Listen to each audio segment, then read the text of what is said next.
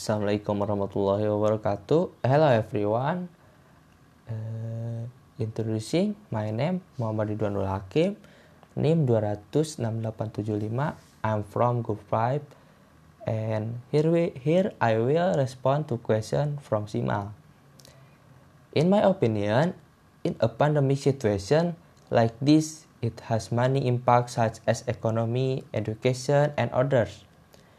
With an online system like this, there are still many things that can be done so that education continues.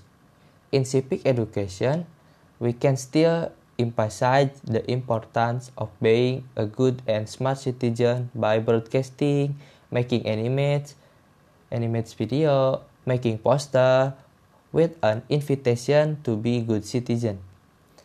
As well as one of the criteria for being a good and smart citizen is, is upholding love the homeland, life a life of tolerance, participate in maintaining the integrity of the country. Thank you. Wassalamualaikum warahmatullahi wabarakatuh.